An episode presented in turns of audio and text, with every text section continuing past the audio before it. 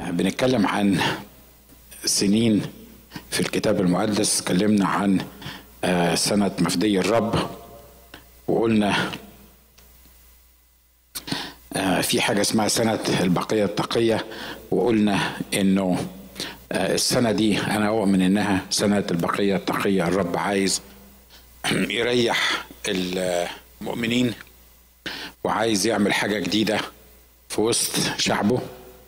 وعايز زي ما قال الكتاب لما الرب يسوع كان موجود على الأرض وبعت التلاميذ علشان يشفوا مرضى ويخرجوا شياطين وينادوا بسنة الرب المقبولة جه في وقت من الأوقات قال لهم تعالوا إلى موضع خلاء واستريحوا قليلا.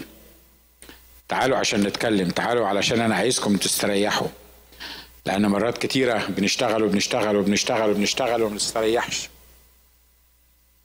آه عشان كده الرب خد الناس دي وقال لهم تعالوا وابتدوا يحكوا له وإزاي الشياطين بتخرج بتخرج وإزاي آه القوات بتحصل. حاجات هم ما كانوش متخيلين إنها ممكن تحصل في وسطيهم مع إن هو بعتهم عشان يعملوا القصة دي إحنا محتاجين إن إحنا نستريح في الرب. ونستريح مش معناها إن إحنا ننام بقى تعبنا كتير وخدمنا كتير وسوينا كتير. فخلونا ننام شوية لغاية ما السنة دي تخلص. لا إحنا نستريح في الرب معناها إن إحنا من من داخلنا بنجدد قوة أما منتظر الرب فيجددون قوة يرفعون أجنحة كالنسور. دي دي الراحة اللي أنا بتكلم عليها سنة البقية التقية. الرسول بولس بيتكلم عن تعبير البقية التقية. إيه حكاية البقية التقية دي؟ في علم اللاهوت وعلم الناس اللي بيفسروا واللي بيقولوا كده البقية التقية دي دول الشعب الأمين بتاع البقية اللي من شعب إسرائيل اللي بعد اختطاف الكنيسة الله هيتعامل معاهم وهيرجعوا. مش ده اللي إحنا بنتكلم عليه. ليه؟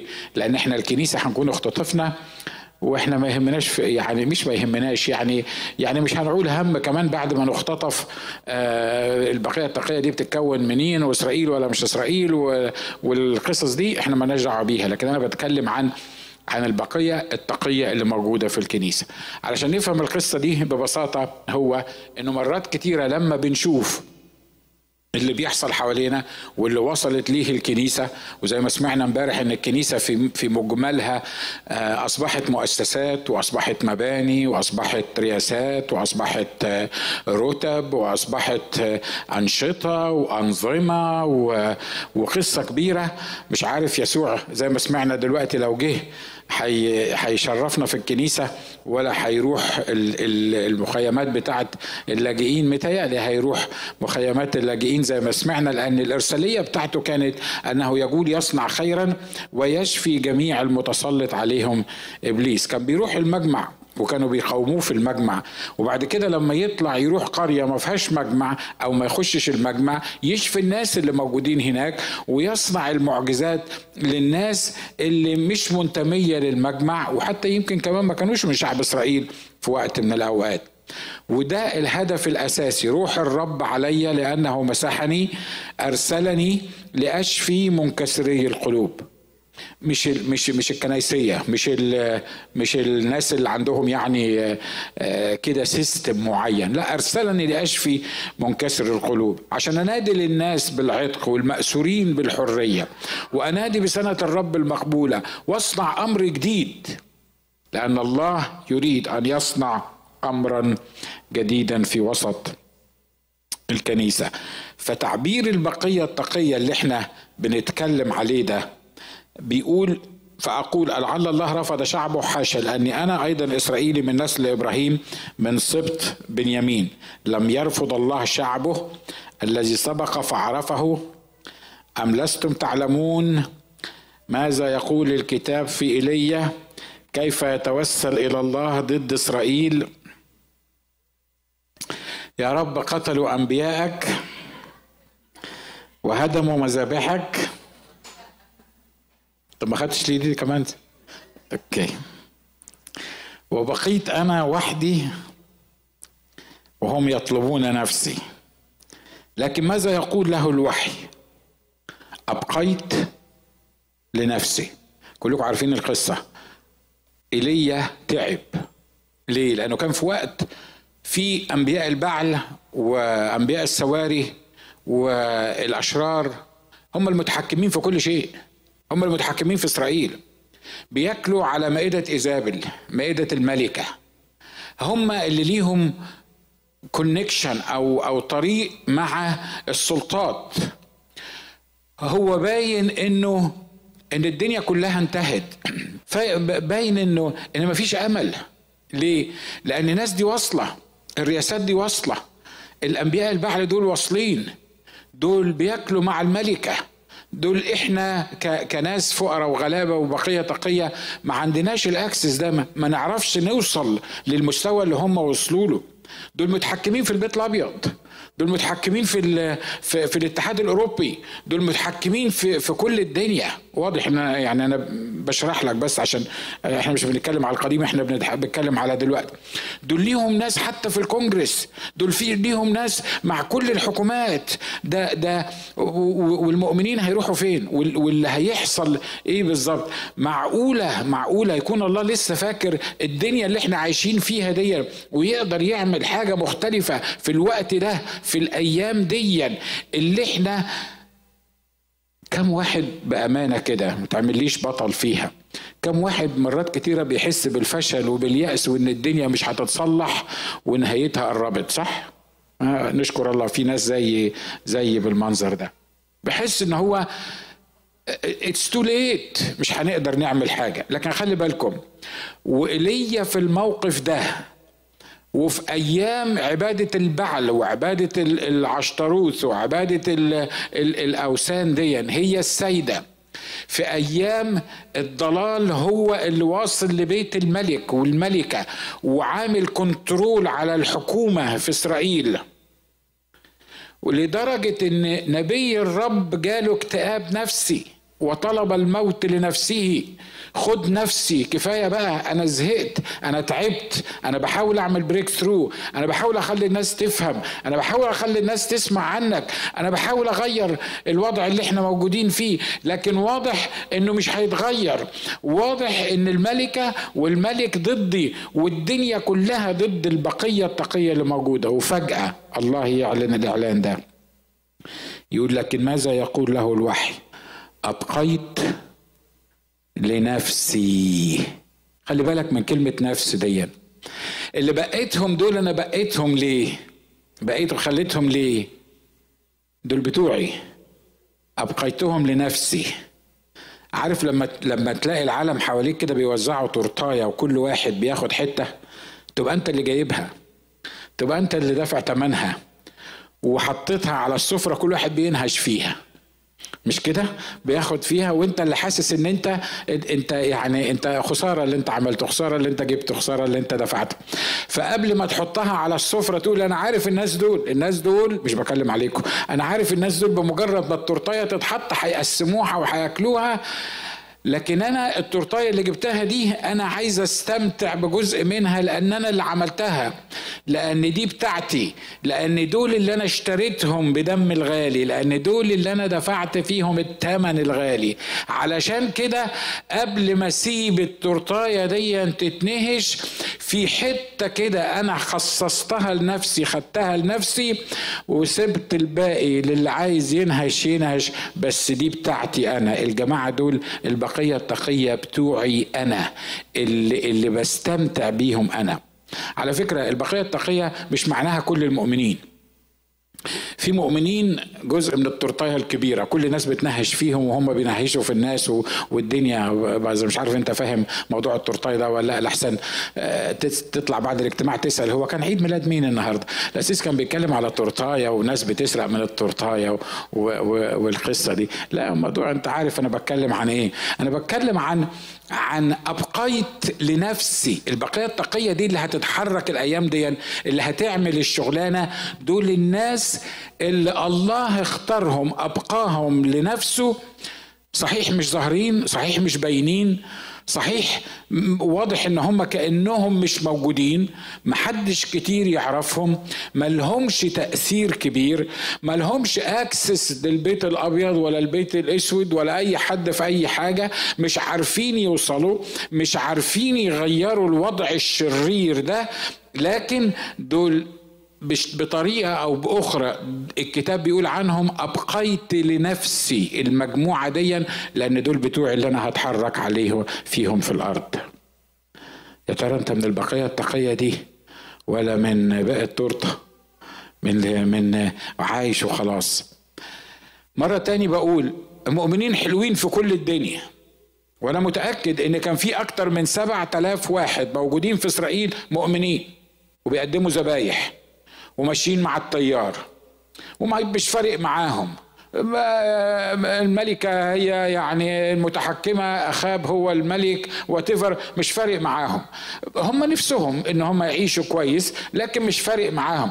لكن في سبعة آلاف ركبة دول اللي إحنا بنتكلم عنهم دي البقية التقية اللي, اللي, اللي الله خصصها علشان يبين فيها مجد. أبقيت لنفسي سبعة آلاف رجل لم يحنوا ركبة لبعل على فكرة رجل يعني مش معناه راجل ميل يعني سبعة آلاف واحد بس هي ده, ده اللغة العربية كده.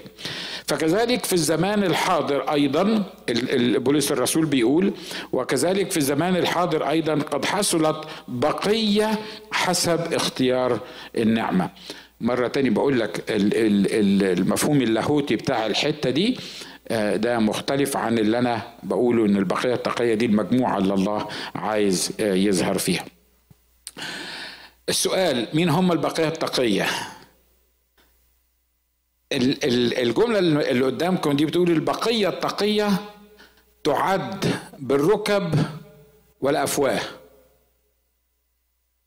مين هم البقية التقية؟ أنا لو أنا بكتب الكلام ده لو أنا اللي بكتب الكلام كنت قلت أبقيت لنفسي البقية التقية بتاعة الرجالة الفلانيين أو وصفت ال ال الناس البقية التقية دي بوصف معين. لكن الرب هنا بيقول إيه؟ وأبقيت في إسرائيل سبعة آلاف. كل الركب التي لم تجسد البعل وكل فم لم يقبله. إيه صفات البقية التقيه دول مين هم البقية التقيه دول يتحسبوا بالركب. الناس اللي بتستعمل ركابها مش بالناس اللي دمها خفيف. مش بكل المؤمنين. مش بالناس اللي عندهم كاريزما في الوعظ ويقدروا يقعدوك قدامهم ويخليك تفتح عينيك كده و... وتقول الله. منهم ناس من الركب التي لم تحنى البعل. البقية التقية دي اللي أنا بتكلم عنها اللي سنتها 2017 اللي الله عايز يتحرك في وسطيها هي مجموع الركب اللي بتنحني قدام الرب. وموضوع ومجموع الشفاه أو الأفواه التي لا تقبل البعل. اللي ما بيوحشهاش البعل. اللي ما بتتعاملش مع البعل. وواضح ان في العبادة الوثنية بتاعه البعل كان في طريقة معينة بيقبلوا بيها البعل ده والتماثيل دي وبتنحني الركب قدام البعل. فالبقية التقية دي بتحسب بالركب.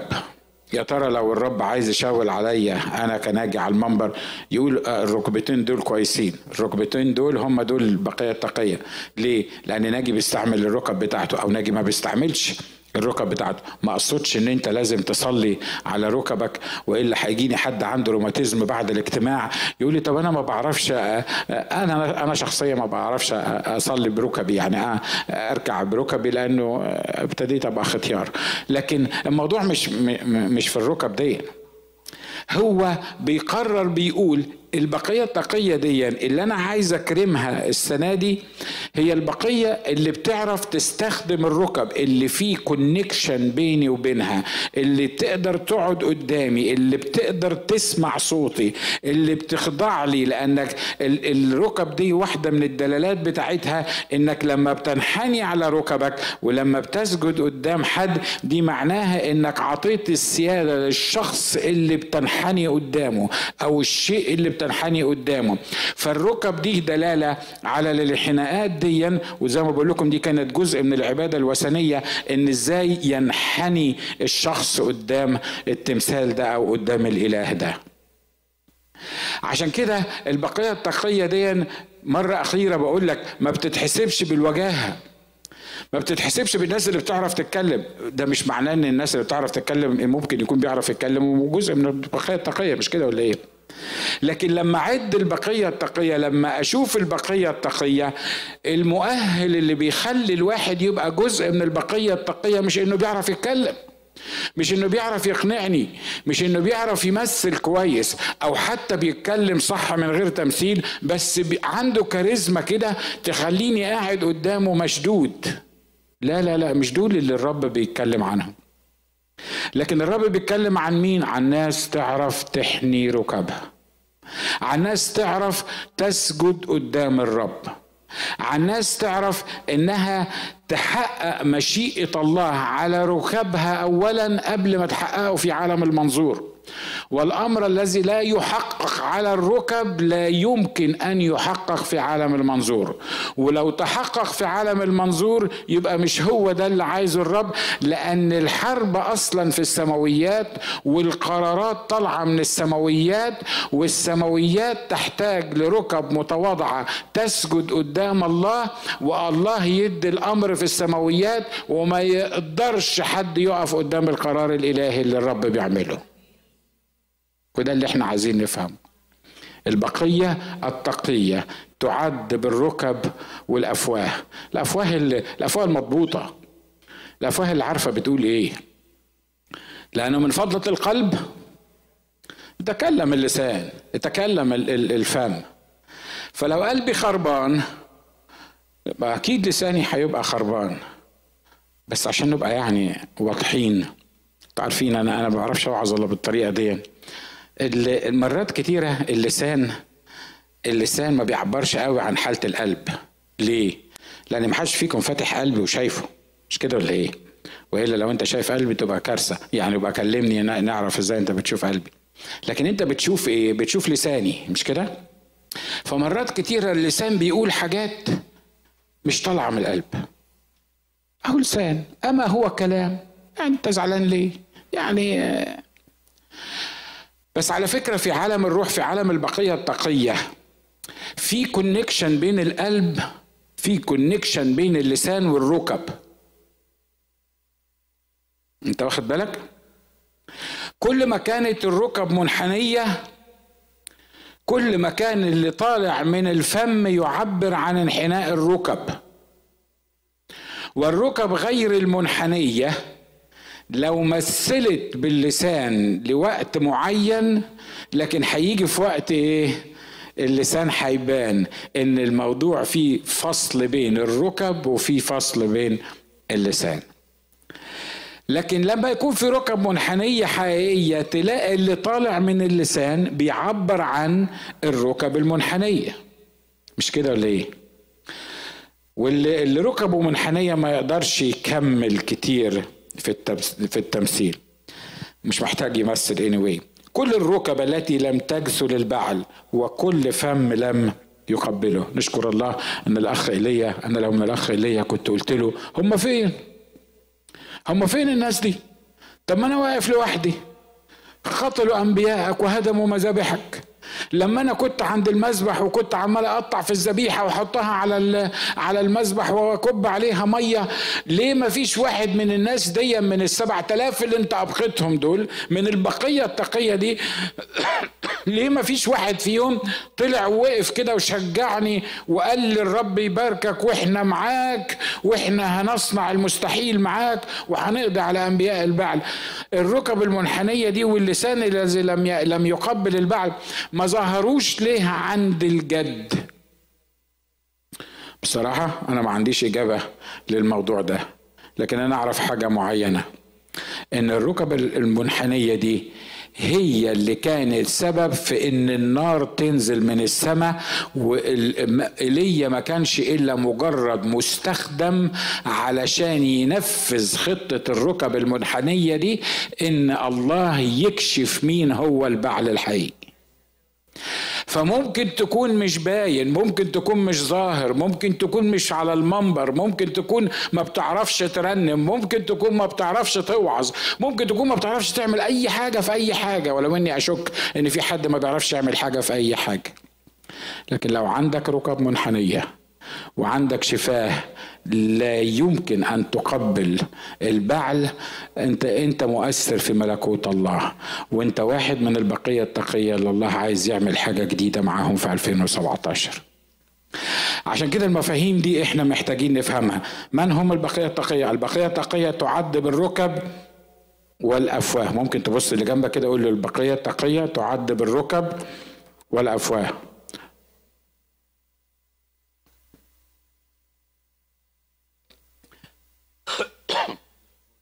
صفات البقية التقية دي عدد صغير وتأثير كبير. عدد صغير وتأثير كبير. يا سلام لو كان عدد كبير وتأثير كبير كانت بقيت مية مية. هي عمرها ما مشيت كده. اللي ماشيين في الزفة في الكنيسة عددهم كبير قوي. عارف الأطرش في الزفة؟ أنا شرحت لكم المثل ده بتاع واحد لقى ناس عمالة تسقف وترقص وهو أطرش فهو مش سامع هم بيعملوا إيه بس من اللي شايفه شايف إن في حد بيسقف وبيرقص. فهو ماشي مع الزفة دي. ما حدش قال له مين العريس وما حدش قال له هم بيعملوا إيه. هو شايف ناس بترقص وبتاع لكن هو مش سامع. فعشان كده منفصل عن الواقع اللي موجود. فهو ماشي في الزفة مش عارف مين بيعمل إيه. على فكرة ده تعبير كتابي. يعني مش مكتوب كلمة لحسن تطلع تقول لي تقدر تقول لي فين في العهد الجديد تديني الشاهد بتاع اللي ماشي في الزفة؟ هقول لكم أنا اللي ماشي في الزفة ده. فاكرين بولس لما لما اتقبض عليه والأمير جه وخده؟ يقول لك في آلاف على الأقل ألفين واحد كانوا عمالين يهتفوا ويقولوا العظيمة هي أرطميس الأفسسيين. وقعدوا ساعتين يتنططوا بيقولوا عظيمة هي أرطميس الأفسسيين. عظيمة هي أرطميس الأفسسيين. الكتاب بيذكر بيقول لك وبعضهم كانوا موجودين مع الناس دول وهم مش عارفين لأي سبب هم كانوا بيقولوا الكلام ده. ده اللي أطرش في الزفة. اللي هو لقى ناس عمالة تقول عظيمة هي ارتميس الأفسسيين فهو عمل إيه كمان؟ وقف في الزفة دي وعمال يقول عظيمة هي ارتميس يا عم أنت ارتميس ده موضوع تاني وانت انت هو أنت عارف الناس دي بتتنطط ليه؟ أنت عارف الناس دي هايجة ليه؟ أنت عارف الناس دي في مشكلة معاها ليه؟ هو إيه اللي بيحصل؟ يقول لك مش عارف. أمال أنت إيه اللي جابك هنا؟ يقول لك أنا لقيتهم عمالين يقولوا عظيمة هي ارتميس الأفسسيين فعملت كده مشيت معاهم. يبقى التعبير ده اي مين القصة دي موجودة في الكتاب مش كده؟ حاجة حاجة كتابية. تقولي طب وده وده وإحنا يعني, يعني نستفيد إيه من الموضوع ده؟ أنا خايف لحسن تكون أنت ماشي في الزف. تكون لطرش في الزف. معلش سامحني. خايف لحسن انت تكون اتعودت تحضر كنيسة الحصاد الأخير. والمزيكا والناس اللي بيعزفوا والناس اللي بيخدموا واللي بيطبلوا واللي بيمزكوا ومش عارف مين. وبعدين سألك انت هنا بتعمل إيه؟ تقول أنا اتعودت أجي كل يوم حد. أنا أنا موجود. أنا عضو في كنيسة الحصاد الأخير. نشكر الله إحنا ما عندناش أعضاء في كنيسة الحصاد الأخير وما عندناش عضوية في كنيسة الحصاد الأخير لأن كل واحد بيجي كنيسة الحصاد الأخير بنعتبره عضو بنعامل الكل سواسية سواء مليت ورقة أو مليتش ورقة لأن إحنا ما عندناش أصلا ورق. أنت معايا ها؟ مين بقى هم البقية التقية دي؟ عدد صغير وتأثير كبير. طب ليه ما يكونش عدد كبير؟ لا الكتاب قال ما أقرب الطريق وأضيق الباب. وقليلون هم الذين يدخلون من السكر. ما أرحب الطريق وأوسع الباب الثاني المؤدي إلى الحياة. لكن خلي بالكم جوه الباب بتاع اللي بيؤدي لملكوت السماوات ما أقل الناس اللي بيعدها الله إنها بقية تقية وماشية معاه. ودول اللي أنا بتكلم عنهم ودول اللي الناس فاهمة إن هم يعني يعني هم اللي تعبانين. Anyway لما الله حب يبني مدينة أورشليم الموضوع ابتدى بكام واحد؟ واحد اسمه نحامي. جم ناس زاروه من أورشليم سأل كيف أورشليم؟ قالوا له أبوابها محروقة بالنار وأسوارها مهدومة. وبعدين والبقية اللي موجودة في أورشليم في شر عظيم وعار. وأنا ما أعتقدش إن الناس دول كان عندهم أي أمل إن نحامية يقدر يعمل حاجة. مش كده ولا إيه؟ مش كده؟ لأن واحد والوفد اللي جاي من أورشليم حامل يعني حاجة سلبية بالظبط زي الأيام الهباب اللي إحنا عايشين فيها دي من ناحية مش من الناحيه الروحية يعني.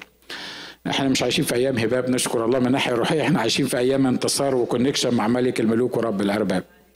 لكن واضح من اللي حوالينا كده ان إن الدنيا محروقة بالنار وال والأبواب مهدودة ومش عارف إيه اللي حصل.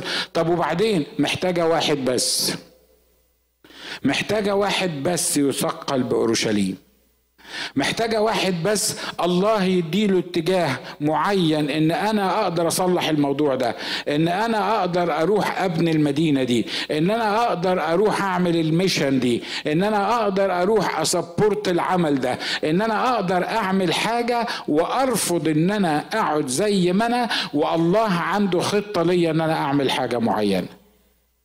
لما سمع الكلام ده عمل إيه؟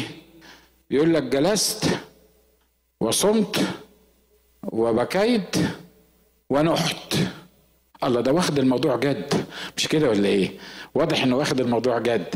دي الركب اللي بيحسبها الرب البقية التقية اللي موجودة.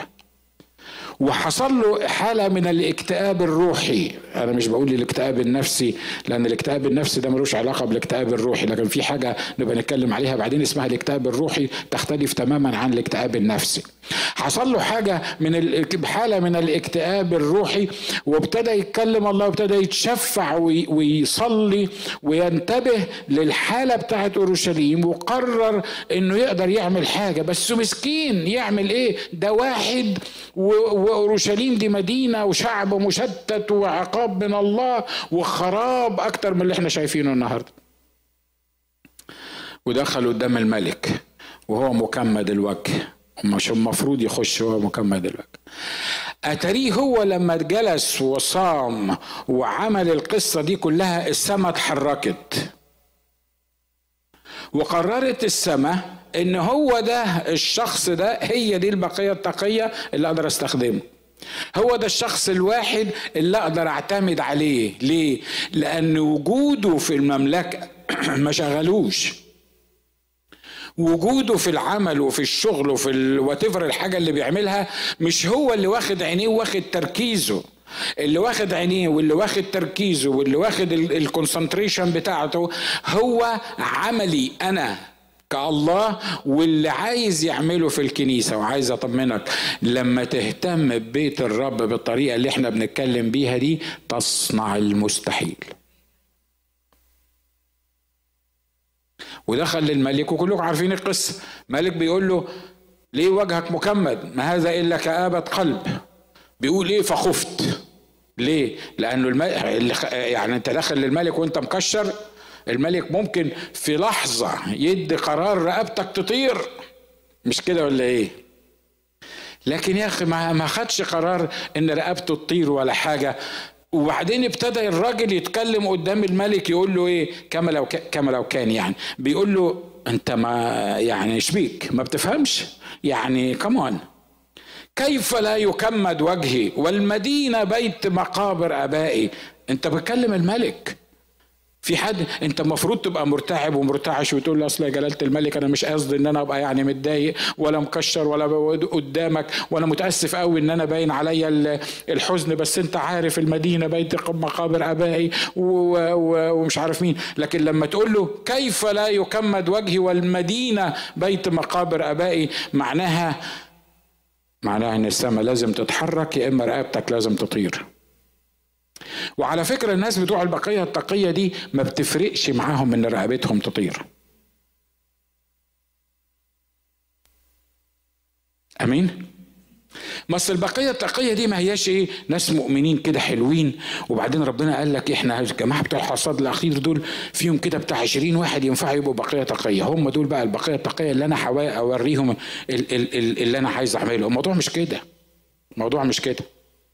الموضوع إن في كرايتيرياز معينة أو أو في في حاجات شروط معينة توصلك توصلك إنك تبقى من البقية التقية دي.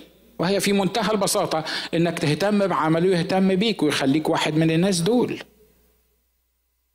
عشان كده الراجل رغم إنه رد على الملك بالطريقة دي الملك ما قدرش يقول له دي مش طريقة تكلمني بيها ورقبتك تطير النهارده. يقول له إيه؟ يقول له طب أنت عايز تعمل إيه؟ أنا عايز أروح أبني أورشليم. عايز تروح تبني أورشليم؟ طب عين لي الوقت اللي تروح فيه وترجع فيه. هو إيه اللي حصل للملك؟ هو ده ملك ده؟ ده, ده هو اللي بيقول لنحامي عين لي الوقت إن أنا آه، يعني تروح فيه وترجع فيه؟ وبعدين وبعدين نحاميه يقول له إيه؟ طب وأنا كمان رايح إديني جوابات علشان يعني يوسعوا لي وعلشان ما فيش حد يعتدي علينا وعشان نبني الحكاية دي. هو كان كل اللي حاس هو مرتعب يقول للملك إن أنا عايز أبني أورشليم والملك يقول له عين الوقت وهحط لك وقت من كذا لكذا. وبعدين عايز إيه تاني؟ عايز كمان إنك أنت تديني خشب وعايز تديني جوابات لولاد عبر النهر. وعايز وعايز وعايز وعايز. ويروح كم واحد اللي عمل القصة دي؟ واحد. اسمه نحامية. وراح نحامية اتكلم مع المسؤولين. يقول لك ولم يكن معي غير الركوبة اللي أنا كنت راكب حمارة يعني. ما كانش مع يعني هو وحمارة أو حمار يعني whatever ما كانت male ولا female بس اني anyway واحد بس ما عندوش مرسيدس وما عندوش آه، اختراع يروح بيه واحد وحمار. يقول لك لما وصلت ركبت الحمار وقعدت أتفقد الدنيا وأمشي حوالين أسوار أورشليم. وعمل الحكاية دي يقول لك الناس اللي كانوا موجودين معايا اقرأ اقرأ سفر نحاميه الناس اللي كانوا موجودين معايا ما حدش عرف أنا طالع ليه ولا عرف إن أنا كنت فين ولا عرف إن أنا رجعت ليه. لكن أنا والحمارة دي اللي أنا راكبها إحنا مشينا حوالين المدينة وشفنا إيه الخراب اللي موجود ومحتاجين إيه علشان الدنيا دي تتصلح. كم واحد دول؟ واحد. بقية التقية عدد قليل لكن تأثير كبير. وإحنا جربنا الحكاية دي لما كنا في مصر لما ابتدينا اتحاد الشباب المسيحي وأنا قلت لكم القصص دي 100 مرة قبل كده ثلاث أربع آه شباب آه يعني نشكر الله أجدع ما فينا كان ما بيجمعش اللي هو أنا مثلا. وبإمكانياتنا المادية كان كل مرتباتنا ما تطلعش 200 دولار 200 جنيه. وكلنا نشكر الله لا واحد فينا في بقه معلقة ذهب ولا ولا مش عارف مين. لكن الرب استخدمنا استخدمنا إزاي؟ أنا مش عارف. ناس دايما يسألوني إزاي ابتديت الحكاية دي؟ لهم مش عارف. طب السبورت جبتوه منين؟ لسه كنت بحكي لفؤاد بقول له كنا مصرين إن ما ناخدش مليم من هيئة أجنبية. مليم ما ناخدوش من هيئة أجنبية. يعني الإمكانيات بتاعت مصر تكفي إنك تعمل عمل زي ده؟ الإمكانيات بتاعت الله اللي موجودة في مصر تكفي إنك تعمل أي حاجة في الشرق الأوسط كله. ولما تعتمد على الله بس أنا حكيت لكم القصص دي مش هعيدها تاني. فاكرين لما قلت لكم إن مراد عزيز مرة في مؤتمر من المؤتمرات؟ وقف قال للناس أنتوا مش إحنا طبعا كنا جايبين الناس على حسابنا والمؤتمر إحنا دافعين ثمنه وكنا بنأكل الناس. فطبعا عجزت الميزانية معانا مش كده ولا إيه؟ وجينا في آخر اليوم مراد قال لي هتدفع حساب المؤتمر منين؟ قلت له مش عارف. قال لي بص أنا ما عنديش استعداد أقعد هنا ما عنديش ما عنديش استعداد يحبسوني أنا هنا. أنا همشي والراجل بتاع المؤتمر هيحبسك لغاية ما تدفع ثمن المؤتمر. وهو منفعل وقف قال للناس أنتوا أصل مش عارفين المصاريف أنتوا مش عارفين قد إيه بتتصرف. أنتوا جيتوا كلتوا قعدتوا ونزلتوا مش عارف مين. وأنا قاعد عمال أعمل له كده. بعد ما خلص بقول له في حد يقول للبني آدمين بتاعنا كده. يعني إحنا جايبينهم نأكلهم ونسمهم يعني طب ما إحنا اللي قلنا لهم ما تدفعوش. يا ابني يا حبيبي مش بالطريقة دي. قال اسمع أنا أنت اللي هتقعد أنت اللي هتتحبس. أنا عارف إن هو دلوقتي بيسمعني على الإنترنت هو ونبيلة. فبيقول لي بيقول لي أنت اللي هتتحب أنا هسيبك هنا وهمشي لغاية ما تسدد أنت الفلوس. طبعا أنت بتسمع القصة وأنت عارف نهايتها. لأن أنا واقف قدامك معناها إن الراجل سابني مش كده ولا إيه؟ ما قطعش رقبتي. لكن أنا لما كنت في الموقف اللي زي ده كنت حاسس إنه يا دي المصيبة السوداء هتصرف إزاي أنا في الموضوع ده؟ عايز أقول لكم إن قبل الليلة الأخيرة الاجتماع الأخراني اللي في الليلة الأخيرة في نص الاجتماع جه قاعد جنبي كده قال لي الرب بعت فلوس وإحنا دفعنا ثمن المؤتمر كله وزايد معانا 200 جنيه كمان.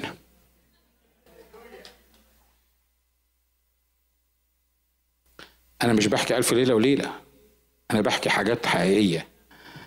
العمل اللي أنتوا شايفينه كله ده القصة اللي إحنا شفناها دي والقوافل اللي رايحة والناس اللي بتتعمل دي مفيش تدعيم خارجي. مفيش حد حد بيدعمها خارجيا. لكن من قلب الكنيسة من البقية التقية. عدد قليل وتأثير كتير. بص للي جنبك قول له عدد قليل وتأثير كتير. خلي بالك خلي بالك. تقول لي ليه ما فيش عدد كبير وفي تأثير كبير؟ ليه ما فيش دعم كبير وفي تأثير كبير؟ عارف ليه؟ اقرأ تثنية تمانية وانت تعرف ليه. كنت قاعد مع أندي ابني وبنتكلم. بيقول لي يعني بابا هو ربنا لازم يزنقنا في الحاجة وبعدين يحلها. وبعدين نبقى محتاجين الحاجة المعينة مش لاقيينها وبعدين يحلها. طب ليه ما تجيش من الآخر كده؟ يعني ما ما يحلها من الأول يعني من غير زنقة ومن غير بتاع حاجات. فبيقول لي بابا أنا عايز أعرف إيه الأصحاح المفضل عندك في الكتاب المقدس؟ قلت له تثنية ثمانية فقال لي ده بيقول لي تثنية ثمانية ده؟ وطلع تثنية ثمانية لقى إنه الاصح ده الأصح المفضل بتاعي الحقيقة. أنا بفرح بكل رسالة أفسس وأقامنا معه وأجلسنا معه في السماويات والكلام الكبير ده. لكن أنا بقول لكم اللي حفظني في الخدمة. تثنية 8 بيقول له إيه؟ افتكر بقى الله اللي صار معك في البرية لكي يذلك ويجربك. طب ليه؟ ليه؟ انت مش إله انت انت مش إله حلو انت مش إله حنين انت مش إله يعني انت يعني يعني لازم تذلني وتجربني. ليه؟ قال له عارف؟ لكي يذلك ويجربك لكي تعلم أنه ليس بالخبز وحده يحيا الإنسان. لألا في يوم من الأيام تقول قدرتي اصطنعت لي هذا. أنا خدتك في في القصة دي كلها جربتك من كل حاجة؟ وريتك إنك ما تقدرش بدوني إنك تصنع حاجة. زليتك وجربتك علشان لما تخش الأرض سنة الراحة اللي إحنا بنتكلم بيها ما تقولش قدرتي صنعت لي هذا. ما تقولش أصل أنا سمارت وعرفت أمشي يعني أشتغل في السوق. ما تقولش أصل خبراتي وإمكانياتي هي اللي عملت كده هي اللي نجحتني هي اللي جابت لي هي اللي أغنتني هي اللي حطتني في الحكاية دي. لا لأنك بدونه لا تستطيع أن تفعل شيء. عندي لما لما أرى البتاع ده قال لي ده فعلا أصحاح أصحاح كويس. قلت له اسمع يا اندي طول ما أنت بتحفظ تثنية 8 وبتفهم إن اللي أنت وصلت له دلوقت ده مبني على هذا على تثنية 8 وكل اللي حصل معاك إن في تثنية 8 الرب قاد الشعب في كل اللي هو قاده فيه عشان في الآخر خالص يعود فضل القوة. ليس لينا بل إيه؟ للرب. لأن قوتي في الضعف تكمل. عدد قليل وأنا خلصت عند الحكاية دي عدد قليل لكن تأثير شكله إيه؟ اللي قلب اللي قلب شوشن القصر واللي عمل الخلاص لشعب إسرائيل كانوا كام واحد؟ واحد اسمه مردخاي. واحد اسمه مردخاي. الله عطاله حكمة إنه يخبي جنسية إستير. وإستير ما عرفتش ما قالتش جنسيتها هي إيه. ومن من واحدة يتيمة قعدها على كرسي المملكة. وقلب الدنيا والقصة كلها كلكم عارفينها. وفي الآخر خالص واحد اسمه مردخاي بواب قاعد على الباب بتاع الملك. كل اللي عمله إنه رفض أن يسجد لغير الله. وصنع الرب بمردخاي خلاص عجيب. البقية التقية عدد قليل وتأثير كبير. قول معايا عدد قليل وتأثير كبير. علشان إبليس ما يقولكش أنت تعرف تعمل حاجة؟ هو أنت عندك إمكانيات؟ هو أنت مين يعني علشان تقدر ت... أنت هتعمل إيه؟ أنت هتقدر تعمل إيه يعني؟ الدولارين بتوعك دول هيعملوا إيه؟ عارف الدولارين بتوعك هيعملوا إيه؟ عارف الفلسين بتاع المرأة اللي عملوا إيه؟ الفلسين بتوع المرأة دول اللي هي حطتهم يمكن وهي مكسوفة منهم لغاية النهاردة بنوعظ عليها أنا واقف بوعظ عليها بعد ألفين سنة. وبعلم بيها الناس بعد ألفين سنة ويسوع نفسه مدحها من ألفين سنة. والكنيسة اللي إحنا شايفينها دلوقتي دي مبنية على الفلسين اللي دفعتهم الست دي لأن دي الإرسالية اللي ابتدت مع يسوع لغاية النهاردة. اقرأ الأحداث بطريقة مختلفة عن اقرأ الكتاب بطريقة مختلفة. الفلسين دول جزء من اللي إحنا فيه النهارده. جزء من بناء المملكة دي جزء من من الفلوس اللي بتدفع علشان الله يعمل الملكوت ده عشان الله يتحرك في الملكوت ده. اوعى تستصغر نفسك اوعى تقول أنا ما أقدرش أعمل حاجة. أنا أشكر الله إن حاجات كتيرة كانت مخفية عن عينيا لأن ما كنتش بفكر فيها لأن لو كنت فكرت فيها ما كنتش عملتها. وكنت دايما أستصغر نفسي وكنت دايما أقول للرب هو إيه الاختراع اللي موجود في ناجي؟ يعني هو إيه إيه الحاجة اللي موجودة في ناجي؟ يقول لك لا ما هو ما هو ما هي دي الميزة انه مفو... إن ناجي ما فيهوش حاجة.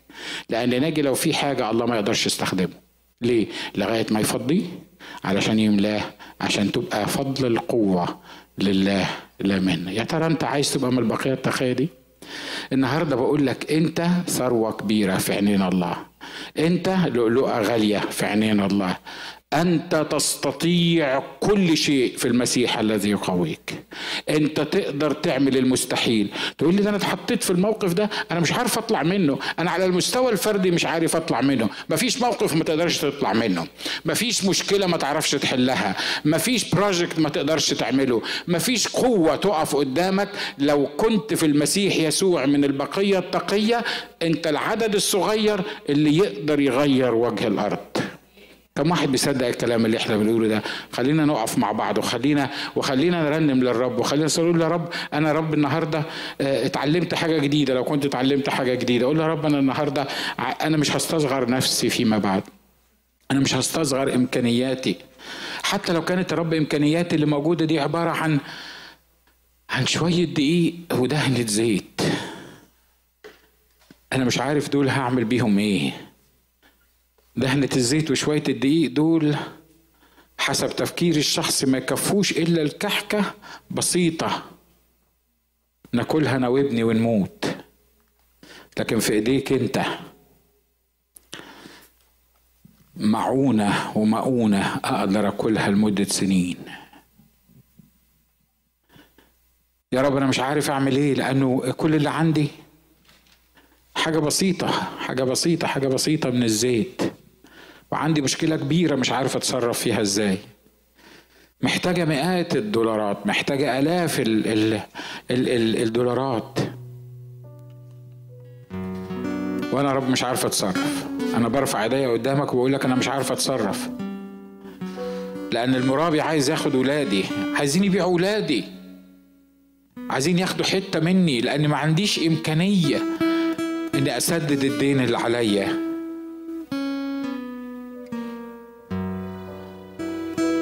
تسمع الصوت. روح استعيري أوعية ولا تقللي. روح استعيري أوعية على قد ما تقدري. وهكذا قال الرب. إن دهنة الزيت مش هتخلص. إنك هتسددي كل احتياجك. وهتعيشي بالباقي. ولا أشكرك لأنك عندك استعداد إنك تحسبني ضمن البقية التقية. أشكرك لأنك أنت بتدور على الناس التي لم تحني ركبة لبعل احفظني في الأيام دي. ان لا احني ركبي لأي نفس لأي شخص لأي موقف لأي شيء إلا ليك أنت.